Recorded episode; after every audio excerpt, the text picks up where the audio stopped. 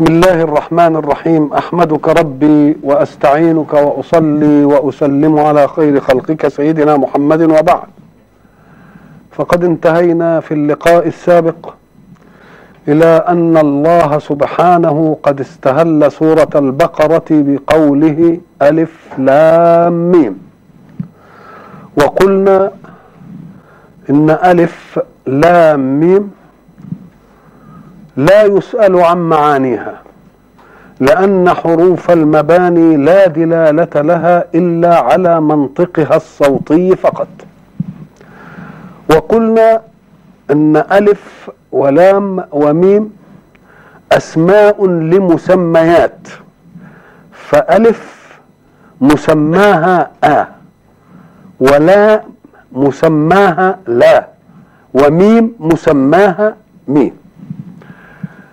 والذي ينطق بالكلمة من الأميين أو من المتعلمين يستوي مع الآخر في النطق باللفظ ولكن الخلاف في أن المتعلم يستطيع أن يتهجى ما نطق به من لفظ فيخرجه إلى مكوناته من حروف البناء.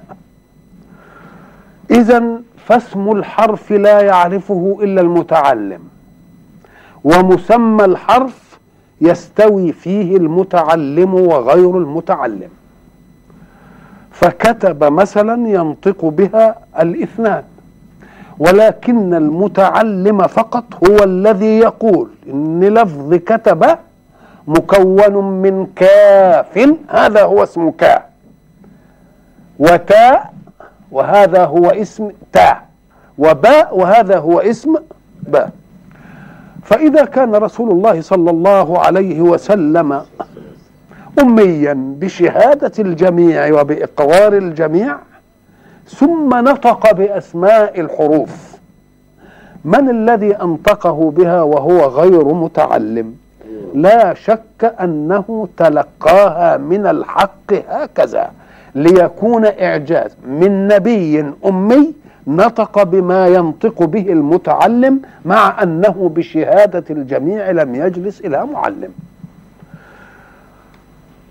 وإذا كان الإنسان يريد أن يحوم بفكره وبخواطر صفائه حول معطيات هذه الحروف في أوائل السور فإن العلماء قد خاضوا في ذلك كثيرا.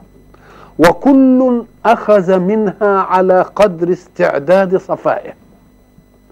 ولا يدعي أن ذلك هو الحق المراد. بل يقول بعدها دائما والله أعلم بمراده. ولذلك تجد مثلا واحد يقول إن ألف لام را وحاميم ونون لأنها تكون اسم الرحمن. مثلا نيجي نقول له ده ما يستطردش في كل الصور. وما الذي يتعبكم في أن توجدوا لها معاني؟ لو أن الله يريدها بمعان. الذي يقول ألف لام ميم أنا الله مثلا أسمع وأرى مثلا. نقول له لو كان هذا هو المراد فما الداعي إلى أننا نحلف أنا الله وأسمع وأرى ونجيب دي ما كان يقولها وتنتهي اذا فلا بد أن يكون لله سر في هذه الحروف. هذا السر في هذه الحروف لا ضرورة أن نعلمه. ليه؟ لأن الانتفاع بالأشياء لا يعني أن تفهمها. فقد تنتفع بالشيء وأنت لا تفهم مكوناته. قلنا أن الأم اللي عايش في القرى يستطيع أن يدير جهاز التلفزيون. دي للموجة. ودي علشان اللون. ودي علشان الصوت. الله. من غير أن يعرف لماذا هذا. إذا فالانتفاع بالشيء ليس فرع العلم به. ولكن العلم به فرع صانع الشيء. لكن المنتفع لا ضرورة أن يعرف. إذا فهذه أسرار لله في كتابه تدخل في نطاق المتشابه. لأن ربنا سبحانه وتعالى قال منه آيات محكمات هن أم الكتاب وأخر متشابهات. إذا فالحق الذي قال القرآن حكم بأن القرآن جاء على لونين. اللون الأول محكم وهو ما يراد به حكم مطلوب من المكلف. يبقى لازم يفهمه. ويبقى واضح لأنه إن فعله أصيب وإن لم يفعله عوقب. فكيف يترتب ثواب وعقاب على أمر؟ لا نفهمه. إذا فالمحكمات هي المتعلقة بالأحكام. والمتشابهات. المراد أن تكون متشابهة. ليه؟ لاستبقاء أصالة الإيمان المتلقي في نفس المؤمن. إزاي يعني؟ يعني إيه؟ قال لك لأن المتشابه ده بيقف فيه العقل. تقول له والعقل وسيلة من وسائل الإدراك. طيب والعين وسيلة من وسائل الإدراك. والأذن وسيلة من وسائل الإدراك والأنف وسيلة من وسائل واللمس. وسيلة من وسائل الإدراك.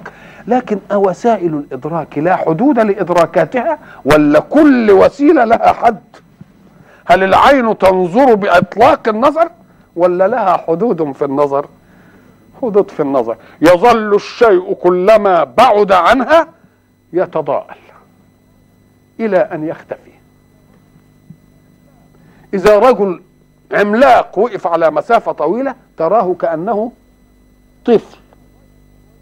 ولو طفل قريب شوية تبقى تشوفه أطول أطول منه. ويفضل يصغر يصغر يصغر يصغر إلى أن يتضاءل.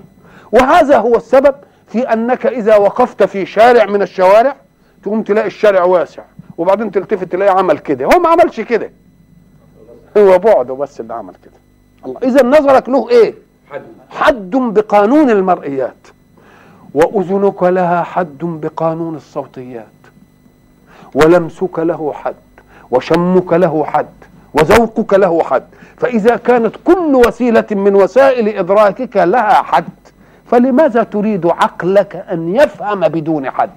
الله الله الله. يبقى إذا لازم يكون فيه إيه؟ يكون فيه حد. أدبك في الحد إن اللي ما انتش فهمه لا يدخل في نطاق عقلك فهمك له أن تقول أنا لا أفهمه. وتبقى فاهم. يبقى لما تقول ما فهمش ديا تبقى إيه؟ تبقى أنت فهمت. أنا ضربت مثل وقلت هبني جئت بتمرين هندسة. من الذي يعطى في كلية الهندسة لطالب في الثانوي. فأخذ التمرين وقرأه.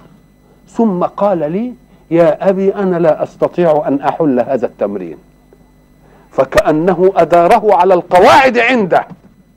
فلم يجد قاعدة مما يعرف تحل هذا التمرين. يبقى فهم ولا ما فهمش؟ يبقى فهم. طب وإذا أخذه ولد آخر وظل طول يومه؟ يقول المطلوب والمطلوب إثباته ويقعد يلخبط ويقعد مش عارف إيه وبتاع ولا يوم. يبقى فاهم ولا مش فاهم؟ آه يبقى إذا العجز عن الإدراك إدراك. ساعة تعجز عن الإدراك فيما لا يدرك تبقى أدركت تبقى فهمت. تبقى إيه؟ فهمت. ساعة ما تجعل لعقلك حد نقول له تبقى أنت فهمت بقى. يبقى يريد الحق أن يقول كل وسيلة من وسائل الإدراك لها حد ولها قانون. فكيف تريد عقلك بدون حد وبدون قانون؟ يبقى لازم تعمل لعقلك حد. أهو المتشابه جاي عشان يوضع لعقلك إيه؟ يقول لك ده ما ينفهمش. وأيضا فهل كل إدراك من إدراكاتك حر في أن يدرك؟ قد تدرك ولكن يحرم عليك أن تدرك. أنت تقدر تدرك إنما يقول لك إيه؟ ما تدركش ده. ما تبصش للمرأة الحلوة دي. أنت تقدر تبص. يبقى قد تقدر ولكنك تمنع. ده يؤكل وده ما يؤكلش. ده يذاق وده ما يذاق. ده يلمس وده ما يلمسش. كذلك. طب ومهمة عقلك إيه؟ مش الفهم؟ برضه ده يفهم وده ما يفهمش. الله. ده يفهم وده ما يفهمش. ولذلك عدم الفهم هو الاختبار للإيمان. لأنك كونك تتعبد بشيء كده أنت ما أنتش عارفه إيه دليل على إيمانك بمن كلف. دليل على إيمانك بمن كلف. ولذلك اقرأ بقى اسمع قول الرسول صلى الله عليه وسلم فما عرفتم من محكمه فاعملوا به. كلمة اعملوا به يدل على الفهم. وما لم تدركوا فآمنوا به.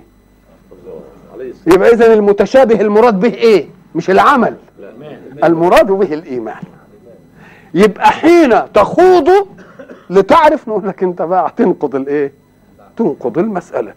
يبقى ربنا لما قال منه آيات محكمات هن أم الكتاب وأخر متشابهات فأما الذين في قلوبهم زيغ فيتبعون ما تشابه منه ابتغاء الفتنة. يقعدوا يخوضوا بقى في المعاني ويقعدوا يتكلموا خلاص؟ والراسخون وما يعلم تأويله إلا الله. والراسخون في العلم يقولون آمنا به. مش عايزين نفهمه. إحنا آمنا. هو قال كده وخلاص انتهينا. هنستفيد من سر ما فيه بسر قائله لا بسر فهمنا له. بسر قائله لا بسر فهمنا له. يبقى خدنا إيه؟ استدمنا عملية الإيه؟ عملية اليقين الإيماني. وإلا فلو أن كل واحد ما عملش اللي يفهمه يبقى عقلك هو هو المعبود. إنما لا. والراسخون في العلم يقولون آمنا به. كل من عند إيه؟ ده من عند ربنا وده من عند ربنا. ودي له حكم إننا نفهمه وده له حكم إننا ما إيه؟ ما نفهموش.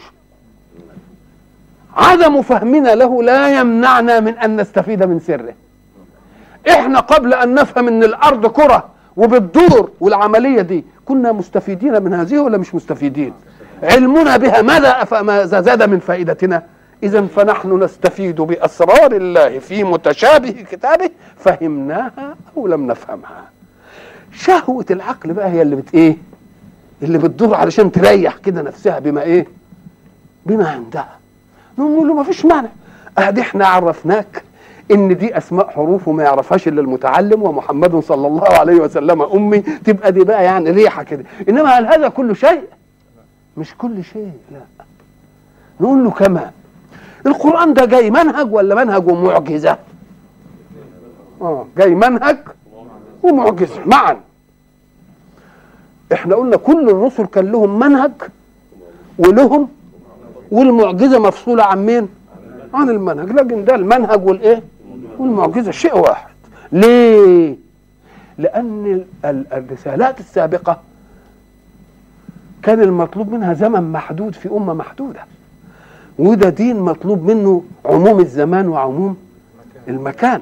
تبقى لازم المعجزة له باقيه المعجزات التانية مش باقيه على قد زمانها إنما ده علشان هتقوم الساعة عليه. يبقى لازم معجزته إيه؟ ما يمكنش تكون ابدا من جنس الكونيات. لأن الأمر الكوني يحدث مرة واحدة. كما قلنا عود الثقاب يشعل مرة واحدة. اللي شافه مشعول مشعول واللي ما شافوش مشعول يبقى خبر من الأخبار. إنما القرآن مش كده. يبقى لازم معجزة باقية. لا يمكن إلا أن تكون من جنس المعقول. من جنس المعقول. طيب ما دام معجزة باقية قلنا إن هو بس مش جاي يتحدى العرب. لأنه ارتقى في التحدي عند العرب. ثم تجاوز عنصر العرب وتحدى الإنس جميعا. ثم تجاوز عالم الإنس وتحدى الجن أيضا. يبقى فيه مجال بقى للإعجاز أكتر من كده؟ ده الأول قال لهم هاتوا مثله يعني مثل القرآن. ما عرفوش. قالوا هاتوا عشر صور ما عرفوش. قال هاتوا صورة. ما عرفوش. الله. يبقى قاعد شوف بيترقى وياهم في إيه؟ من الأكثر للإيه؟ للأدنى وللأقل. وبعدين قال أنا مش بتحداكم أنتوا بس. أنا بتحدى كل الإيه؟ كل الإنس. يعني بكل اللغات مش اللغة العربية بس. في أشياء كتير هتحدى. كلام كويس. وبعدين مش هتحدى دول بس أنا هتحدى مين؟ هتحدى الجن. وكلمة تحدي الجن دي لها ملحظية في القرآن. الملحظيه أن العرب كانوا قديما يظنون أن كل شاعر بليغ أو أديب فصيح له شيطان من الجن يعلمه. يقول لك ده شيطانه أكنهم فاهمين إن الشياطين أقوى مننا في هذه العملية ولذلك يسموها وادي عبقر. وادي عبقر ده وادي الجن. وادي الجن. ولذلك يقول لك فلان عبقري. كلمة عبقري يعني إيه؟ يعني منسوب إلى وادي وادي عبقر اللي هو بتاع مين؟ بتاع الجن يعني الموهبة بتاعته تسامت عن معاشر الإنس وخدت من مين؟ من من الجن. أدي السبب في إنه كله شاعر كله إيه شيطان؟ فقال لهم طيب إن كان لكم شياطين أنا كمان بتحدى الشياطين بتحدى الجن. هاتوا بشياطينكم. هاتم يا أدباء يا شعراء هاتوا بش إيه؟ بشياطينكم. اذا فالارتقاءات في هذا التحدي كان يجب أن نعلم أنه ما دام قد تحدى العرب اولا لأنهم هم المباشرون لصيحة الدعوة هتحداهم من جنس ما نبغوا فيه اللي هو الفصاحة والبلاغة ومش عارف إيه. ساعتها يتحداهم بالفصاحة والبلاغة. لما تتحدى واحد لازم تديله الإمكانيات اللي عندك. إنما تتحداه وأنت معك إمكانيات أقوى منه يبقى التحدي ما ينفعش. يعني إيه؟ مثلا نوضح دي شوية. عايزين نشوف مين اللي نسيجه مثلا يكون رقيق كده وناعم. نقوم ندي الواحد حتة إيه؟ قطن. والواحد حتة صوف. والواحد شوية إيه؟ حرير أز. ونقول لهم بقى اغزلوا اغزلهم وانسجوا لي حاجة كده وهشوف مين اللي, اللي الجميل. نقول له ما ينفعش. لازم يا تدينا كله صوف يا تدينا كلنا حرير يا تدينا كلنا قطن ما تديش واحد صوف؟ آه. اذا الصنعه النشأة من مادة لازم تكون المادة إيه؟ متحدة. فلو أن القرآن الذي تحدى به الله العرب من مادة بنائية من حروف مبان وكلمات غير العرب كنا نقول له الله أصل ما أنت جايب كلام من نوع تاني. طب وإحنا؟ قال لهم لا من جنس الإيه؟ الكلام بتاعكم والحروف بتاعتكم هي هي الألف واللام والميم والطاء والسين والحاء والميم. هي دي حروف مبانيكم ولا لأ؟ اذا أنا لم آتي بكلام بحروف مبان جديدة. ولم آتي بكلمات جديدة. وإنما أتيت بحروف من حروفكم. وبكلمات من كلماتكم. فلماذا كان نظمي أقوى وأبلغ من نظمكم؟ المادة واحدة. يبقى الصنايع مش واحد. يبقى الصانع مش واحد. ما دام جبنا صوف وبعدين طلعنا بقى النسيج يبقى ليه نسيج ده طلع أحسن من دي؟ الصنع مش واحد إنما المادة واحدة. فكأن الحق يقول إن القرآن الذي أعجزتكم به وتحديتكم به لم أبنه من حروف غير حروفكم التي بنيتم منها كلامكم ولم آت بكلام جديد وإنما جئت بتركيبات جديدة. يبقى اذا التفوق في البلاغة والتفوق في النظم والتفوق في الفصاحة ليس من طبيعة المادة التي صنعنا منها فالمادة واحدة. ولكن لأن المتكلم مختلف. المتكلم خلق هنا والمتكلم خالق هناك.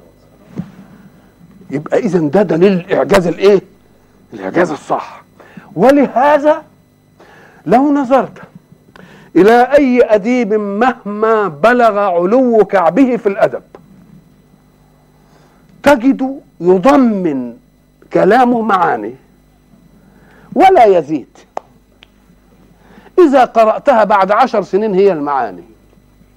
لكن القرآن اللي لا تنقضي عجائبه كل يوم نقرأ فيه وتطلع له معاني جديدة دي. إيش دي؟ ده دليل على أن المتكلم مش عادي. وادى العصر اللي نزل فيه القرآن معاني وادى بعد قرن معاني وادانا في القرن العشرين معاني وهيدينا بقى قبل قيام الساعة معاني. الله إزاي دي تيجي؟ قول له يا أخي دي كطبيعة الخالق وأنت بتتكلم كطبيعة المخلوق. المخلوق حين يأخذ من مادة الكون ويصنع صنعة أيستطيع أن يعطي لصنعته الحياة؟ لا. زي ما قلنا إن عمل من الرمل وصهره وعمل كوباية هتفضل كوباية طول عمره. ما نقدرش نجيب ذكر كوباية وانتايه كوباية ونقول لهم باتوا ويا ليلة ويا بعض عشان تطلعوا لنا شوية كباب صغيرين. ما يمكنش. كذلك أنت تأتي بالحروف وبالكلمات فتكون منها كلام فيجمد على ما أردته أولا. ولا يزيد شيئا. لكن الله حين يأخذ من هذه الكلمات يعطيها الحياة. فتظل تعطي عطاء كل يوم عطاء جديد. لأن هو ده الفرق بين أن يأخذ الله فيخلق وبين أن يأخذ خلق الله فيخلقون. ولذلك أدي لا تنقضي عجائبه من هذا الإيه؟ العجيب بقى أنك أنت إذا شفت الحروف اللي هي موجودة تجدها 14 حرف. يعني نصف حروف المعجم. حروف المعجم 28 والحروف دي كام؟ 14 وجدت اصطلاحات لم تكن موجودة قبل نزول القرآن في تقسيم الحروف. يقول لك ده حرف حروف رقة ودي حروف تفخيم ودي حروف مستعلية ودي حروف مستفلة ودي حروف رخوة ودي حروف شدة ودي مقسمينها إيه؟ تقوم تمسك الأقسام اللي هم قسموها تقسيم جديد بعد نزول القرآن. تقوم تجد ال 14 حرف واخدة نصف كل قسم من هذه الحروف. كأن ربنا مدينا عينة المكونات للقرآن. العينة للقرآن مكون منها. ولذلك بعضهم قال لك يا أخي افهم في بعض أوائل السور. ألف لام ميم ذلك الكتاب. يعني ذلك الكتاب هو من إيه؟ هو من ألف لام ميم دي بتاعتكم دي. من هي ده إيه مش كده؟ الله. آه اذا ياسين والقرآن الإيه؟ طه ما أنزلنا عليك القرآن. إذا كلها متعلقة بالإيه؟ بالكتاب. يبقى اذا معنى ذلك إن القرآن جاي من جنس الإيه؟ من جنس الحروف. لكن هذه هي كل المعاني. لا ده اللي استطاع العقل أن يحوم حوله من الإيه؟ من المعاني. وستظل لله فيها أسرار. عطاءاتها تستمر مع الكون كله إلى أن تقوم الساعة. وكل يوم نبتدي إيه؟ القرآن. ميزته عن الكتب السابقة أنه كتاب موثق. وأنك تقرأه الآن وأنت مطمئن تمام الاطمئنان إلى أنه كما نزل من عند الله. دي ميزة ما تجدهاش لا تجدها في كتاب إيه؟ في كتاب آخر أبدا. ليه؟ لأنه أصل بقى الدين جاي دين عام خالد. توثيق هذا الكتاب زي ما قلنا في حلقات سابقة إن ربنا لم يأمن خلقه على أن يحافظوا على كتابه. لأنه جرب الخلق في المحافظة على الكتب. فما نفعوش. مش كده؟ فقال أنا اللي هحفظ. إنا نحن نزلنا الذكر وإنا له لحافظون. و... ولأجل أن يفهمك صحيح انه هو اللي حافظه يقوم يديك أمارات على أن القرآن زي ما هو مكتوب مبلغ عن الله. زي ما ابتراه وأن كل آية في القرآن كما قال ويليام وير دقيقة في ضبطها كما تلاها محمد. دي شهادة الخصوم. كل آية في القرآن دقيقة في إيه؟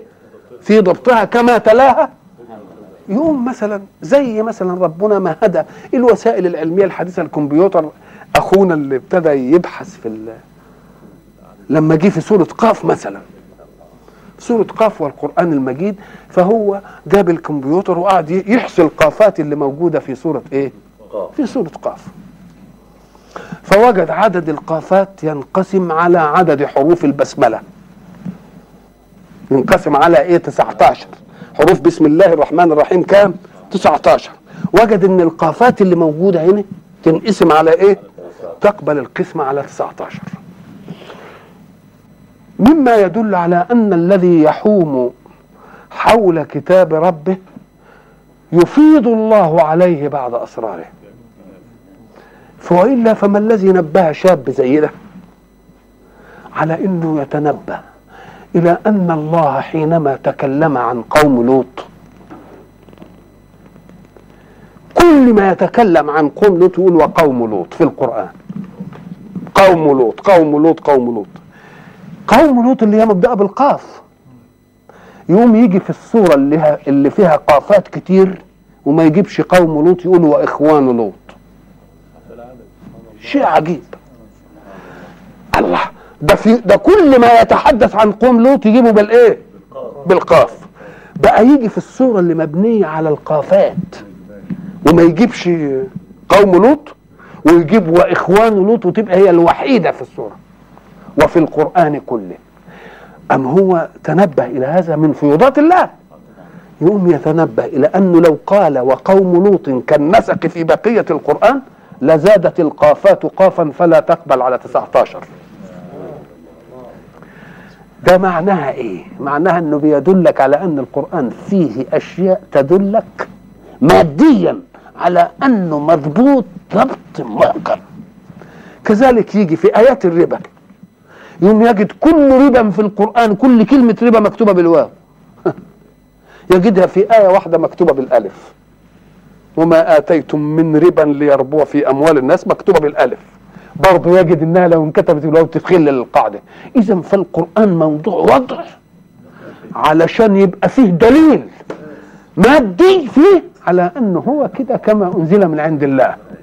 كلمات وحروف وكتابة. تيجي مثلا تلاقي مرة تبارك مكتوبة بالإيه؟ بالألف. وتبارك من غير ألف. تيجي مكتوب باسم محذوفة الألف. ومرة تانية بالإقرأ باسم موجودة الألف. ده دليل على إنها إيه؟ معمول فيها المعايير اللي تدلك على أن القرآن وصلنا كما أراده الله. منطقا وكتابة. وما فيش فيه إيه؟ ما فيش فيه اختلاف. يبقى اذا ألف لام ميم أو ألف لام ميم صاد كل هذا أسماء حروف المباني. وبننطقها بالوقف. ننطقها بالوقف علشان يدل على أن كل إيه حرف له إيه. زي النبي ما قال لا أقول ألف لام ميم حرف ولكن إيه؟ ألف حرف. ولام حرف وميم وميم حرف. الذي يدلك على أن أسماء الحروف شيء ومسميات الحروف. شيء آخر. إن مثلا بعض الشعراء يحب يعني يتفصح. آه مثلا يقول إيه؟ لقد كنت أرجو أن تكون مواصلي. بيقول لحبيبه لقد كنت أرجو أن تكون إيه؟ مواصلي. فأسقيتني بالبعد فاتحة الرعد. طب فاتحة الرعد اللي هي إيه؟ ألف لام ميم را. آه يبقى إذا لما ينطقها مسميات حروف تبقى إيه؟ المر. هو نطقها مسميات. وسابها إيه؟ أسماء حروف. يبقى لما بنقول ألف لام ميم را لو نطقناها مسميات حروف تبقى إيه؟ المر. فبقول له أنت اسقطني ببعدك عني إيه؟ المر. يبقى هذا الفرق بين مسميات الحروف وبين إيه؟ وبين أسماء الإيه؟ وأسماء الإيه؟ الحروف. حين ننظر هذه النظرة في المتشابه في هذه الصور نقوم نعلم بالتأكيد أن الحق سبحانه وتعالى له فيها أسرار. هذه الأسرار أعلمها رسول الله واختص بها نفسه علمها وعلم بعضها لبعض صحابته على قدر استعدادهم في التلقي والاستقبال من علوي الإرسال مثلا؟ يعني مثلا إحنا نيجي نقرأ مثلا في ابن جرير الطبري أو مثلا في ابن كثير عند قوله حاميم عين قاف بيقول إن أنا ابن عباس يقول إن أنا سألت عن معناها. فقال لي إنها نزلت في رجل من أهل بيتي اسمه عبد الله أو عبد الإله يسكن على شاطئ نهر. فيخرج عليه القوم فيقتلونه هو وأهله جميعا. لما تيجي تبص للحكاية دي تقوم تجدها حادثة العراق. هي حادثة العراق. ويجيب الاسمين اسمه عبد الإله أو؟ أو عبد الله. وعلى شاطئ نهر ويطلعهم ويقتلهم جميعا. ومش عارف وإيه وإيه ويحكي الحكاية. اهو اللي قاله مين؟ أهذا مما أخبر به رسول الله صلى الله عليه وسلم ابن عباس تطميما إلى أن لها معاني وما قالناش كلها استيعابيا بس عشان يدينا إيه؟ يدينا نبذة إنها يعني من ممكن أن تكون لها معاني. وعلى هذا كثير من الناس يجدون فيها شيئا من الإيه؟ من الأسرار. إنما لا تزال كنوزا. هذه الكنوز نسأل الله سبحانه وتعالى أن يجليها لنعلم لنعلم موقع المتشابه من مرادات الله فيه في حجب العقول عنه فترة ليقتنع بها العقل المعاصر فترة أخرى. لأن لو القرآن قلنا أفرغ عطاؤه كده كل مرة واحدة وبعدين يجي يستقبل الأجيال التانية نقول له لا كلما على العقل وارتقى يجي له حاجة عطائية في القرآن كده تقول له خليك هنا خليك هنا. لكن لو فرق كل عطائه يوم بعد ذلك يأتي وقت لا يستقبل القرآن الناس بعطاء جديد ويظل مكرور مردد وعلى ذلك لا يصدق قول الرسول صلى الله عليه وسلم لا تنقضي عجائبه. لا تنقضي. يبقى ما دام لا تنقضي عجائبه يبقى كل يوم هيديني إيه؟ هيديني عطاء. ومش كل يوم. لعل انسانا يقرأ القرآن ويقول بعض خواطره في ساعة. ثم يأتي في ساعة ثانية ليقول فيها فتأتي له خواطر لم لأن ميلادها جه. ميعادها جه. وهو قالها قبل كده بميعادها خد على قده. فنسأل الله سبحانه وتعالى أن يمدنا أو يمد الآتين بعدنا من المسلمين بما يجليها. وإن شاء الله سيكون هذا عن قريب إن شاء الله وستجلى آيات الله حتى يصدق قول الله سنريهم آياتنا في الآفاق وفي أنفسهم حتى يتبين لهم أنه الحق. هذا في ألف لام ميم والخواطر حولها. هنا بقى يبتدي يقول ذلك الكتاب. ساعة ما تشوف اسم إشارة اللي هو ذا ذا. مش كده ذا وبعدين لام بعدها وبعدين إيه؟ كاف. يبقى كم كلمة في الحكاية دي؟ ثلاث كلمات. ذا واللام والكاف. ثلاث حاجات. ذا إشارة. مش كده؟ وإشارة لمذكر. لأن لما أحب أشير إلى مؤنث أقول إيه؟ ذي أو تي. مش كده؟ ما بنقول تلك آيات. إنما أصلا بنقول ذلك الكتاب. لما يكون مؤنثة آية أقول إيه؟ تي. فأنا بقول إيه؟ ذا. لأنني بأشير إلى الكتاب. يبقى ده اسم إشارة. واللام اللي في الوسط دي بيسموها لام البعد. لما تشير إلى حاجة وتبعدها كده تقول ذلك. لما تقربها تقول ذاك. بلاش اللام. لام البعد دي تحذفها. طيب. والكاف. خطاب. يبقى أنا عندي كم حاجة هنا؟ ذا إشارة. لام للبعد. كاف حرف خطاب. الناس بقى ما بي ما بيفرقوش قوي بين اختلاط الخطاب بالإشارة. ليه؟ قال لك الإشارة لها معنى والخطاب له معنى. افرض إن ده قلم أهو. معايا. أنا عايز أشير أشير له للقلم. وأخاطب واحد مذكر. أخاطب ده هو. أو ما أقول له إيه؟ ذلك القلم ذلك القلم. أشرت للإيه؟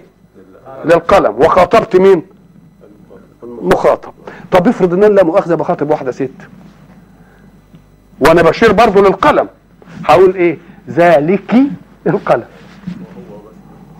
يبقى الإشارة إيه؟ ما اتغيرتش. يبقى الخطاب هو اللي إيه؟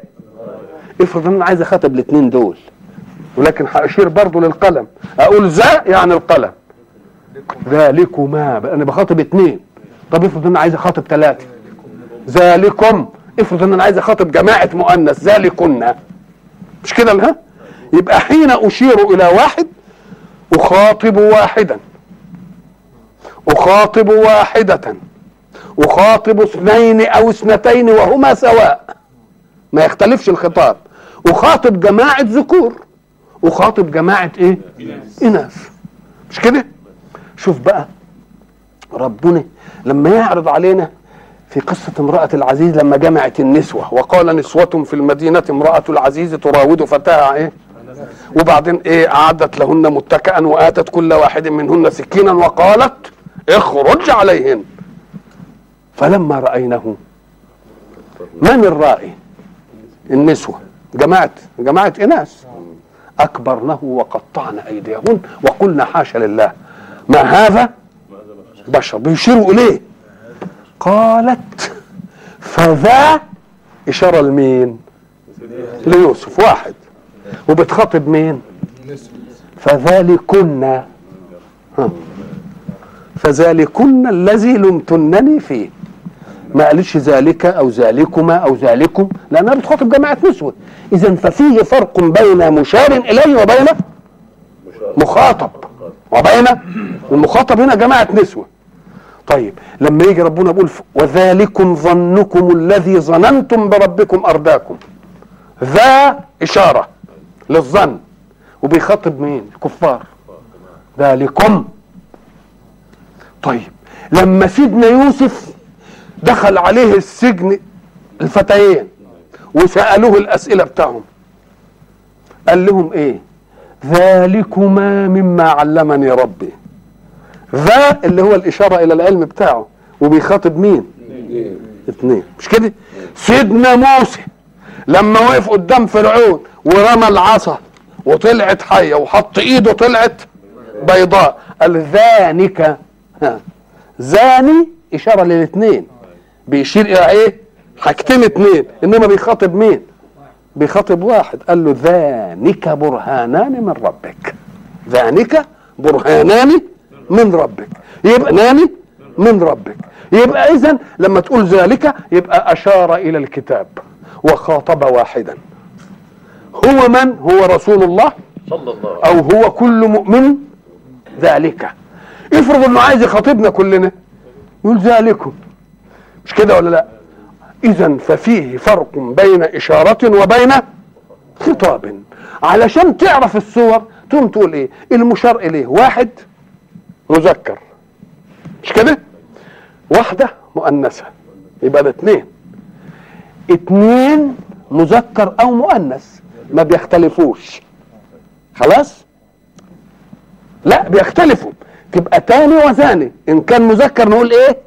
زاني وإن كان مؤنث تاني. طب وإن كان جماعة؟ أولئي سواء كانوا جماعة نسوة أو جماعة إيه؟ ذكور. يبقى اذا كم؟ إشارة خمسة. مفرد مش كده؟ مفردة مثنى مذكر. مثنى إيه؟ مؤنث.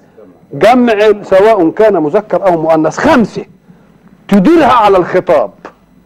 وتخاطب إيه؟ واحد. مش كده؟ واحدة. اتنين مذكر أو مؤنث مع بعض. خلاص؟ الجمع مذكر الجمع مؤنث يبقى خمسة. خمسة في خمسة يبقى صورة الإشارة مع الخطاب. خمسة وعشرين إيه؟ خمسة وعشرين صورة.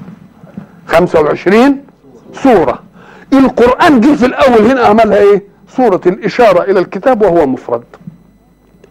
والخطاب لإيه؟ لواحد. ذلك الكتاب. ساعة ما نقول ذلك الكتاب مع أننا بقراه تقوم تقول ده جايب لام البعد يدل على بعد منزله. يعني حاجة إيه؟ حاجة عالية أوي أوي أوي. لأنه علوي وأنت سفلي. فين أنت وفين؟ هو يبقى ذلك. ذلك الكتاب. آه ذلك الكتاب. كلمة الكتاب دي تدل على إيه؟ على أنه بنجمع كلمات ويا بعضها علشان تدي وبنسجلها ولا لا؟ نكتبها يبقى كلمة كتاب تعني التسجيل. طب ولماذا تسجله؟ ده لأنه نفيس قوي قوي قوي وأمر من خايف لا يضيع مني فأيدته. وإلا فالكلام الهراء لا إيه؟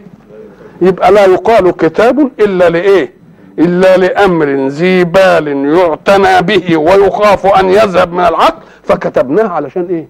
فقال إن كنتم بتكتبوا أي حاجة يبقى هو ده الكتاب اللي يجب أن يعتنى به. زي ما تقول ذلك هو الرجل. كأن الباقي مش رجال. كأنك إن أردت الرجل الجامع لصفات الرجولة فهو فلان. فلان هذا هو الرجل. يبقى كأنه بيقول إن كنتم كتبتوا قبل كده ولا إن كنت عرفت كتب قبل كده يبقى هو ده الإيه؟ الكتاب اللي يجب إيه؟ إن كنتوا تعتنوا به وتسجلوه لأنه هو اللي يجب أن يطلق عليه كتاب دون بقية الإيه؟ دون إيه؟ يعني إن قلت هذا الكتاب يبقى كثير خلاص انتهينا. يبقى ذلك الكتاب. ذلك يعني يعملها مبتدأ وخبر كده. تقول كأن غيره لا يعتد به ككتاب إنما هو ده الإيه؟ الكتاب. كلام طيب. كلمة الكتاب هنا دلت على شيء آخر غير ما تدل عليه كلمة قرآن. لأن قرآن أفاد أنه يقرأ. وكتاب أفاد إنه إيه؟ إنه يكتب. والاثنين وجدوا. والاثنين وجدوا. كقرآن مقروء وإيه؟ ومكتوب. وقلنا أن تضل إحداهما فتذكر إحداهما الإيه؟ فتذكر إحداهما الإيه؟ الأخرى. ولما يجي يقول بقى ذلك الكتاب وقد ألف العالم كتبا. ولكنها لم تظل على حقيقة كتابيتها بل حرفت تحريفا أبطل مهمة المنهج فيها. أم هو قال علشانك منكم فهمتوا السوابخ دي في الكتب اللي قبلها؟ هذا الكتاب لا ريب فيه. هذا الكتاب لا ريب فيه. ليه؟ قال لك لأن أنتم كنتوا الأول مطلوب منكم ان كنتوا اللي تحفظوا إنما أنا اللي حافظ. وما دام أنا اللي حافظ يبقى لا ترتابوا ابدا في هذا الكتاب.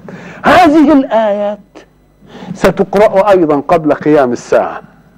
يبقى كأن مرور الزمن لن يحيل شيئا في القرآن ولن يغيره. وستظل كلمة لا ريب فيه إلى أن تقوم الساعة. لتبقى الحجة على الخلق ببقاء كلام الحق. ذلك الكتاب لا ريب فيه. من بقى البلاغه الأسلوب تقول ذلك هو الكتاب. يعني وغيره مش إيه؟ كتاب. وتبقى لا ريب فيه جملة تانية. أو تقول ذلك الكتاب الذي أنزله الله على محمد لا إيه؟ لا ريب فيه. ذلك الكتاب لا ريب فيه إيه؟ لا ريب ذلك الكتاب لا ريب ذلك الكتاب لا شك. وتقول فيه في يبقى اذا يعني ممكن توجه الإيه؟ الجمل التوجيهات التي تسعف ثقتك في ذلك الكتاب ويقينك بأنه وصل إليك كما قاله الله. وكما نزل به جبريل وكما بلغه محمد فلا تقسه على بقية الكتب التي حكمت أنا أنها قد حرفت وغيرت وبدلت. أسأل الله سبحانه وتعالى أن يفهمنا عنه وأن يجلي إلينا أسرار كتابه وإلى لقاء آخر إن شاء الله.